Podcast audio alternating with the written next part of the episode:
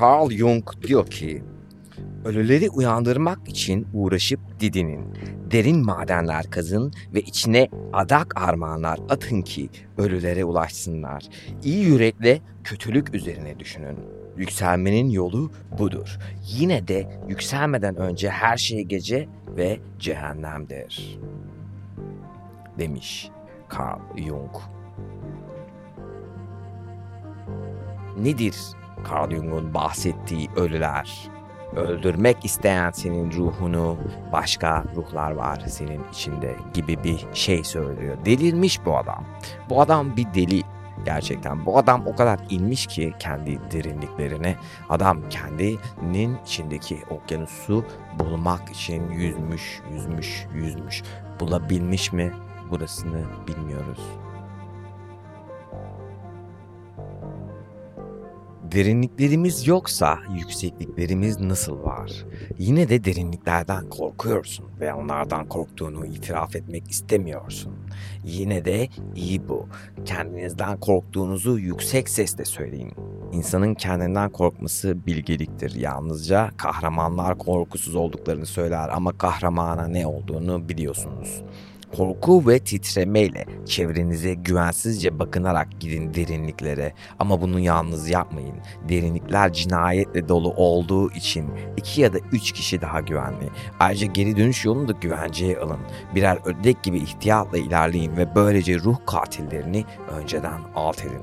Derinlikler sizi baştan aşağı yutmak ve çamurda boğmak isteyecektir demiş Jung abimiz. Jung abimiz bir efsane bana soracak olursanız.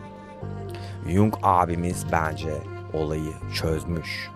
Jung abimizin işi kendi kendini keşfetmekmiş ve kendi kendini keşfetmiş. Bunu o kadar güzel yapmış ki, bunu o kadar büyük bir yetenekle, bir tanrı vergisi diyebileceğin bir şeyle yapmış ki Carl Jung olmuş. Carl Jung olması niye acaba? Yani bu adam doğduğunda Carl Jung olarak mı doğdu? Yani Carl Jung'a bu yetileri, bu görüsü, bu keşfi kendiyle ilgili ve onu bunu yapmaya iten şey acaba doğduğunda onunla birlikte mi geldi yoksa acaba sonradan gelişen bir şey miydi? Bu sorunun cevabını bilmiyoruz aslında. Şöyleydi ya da böyleydi demek bence mümkün değil. Yani sen diyorsun ki bir tanrı yok. Bir başkası da diyor ki bir tanrı var. Biri diğerine olduğunu, bir diğeri bir diğerine olmadığını bir şekilde kanıtlayamadığı için böyle bir soru var. Jung, şu ol, Jungsuz kalma diyorum kendi kendime.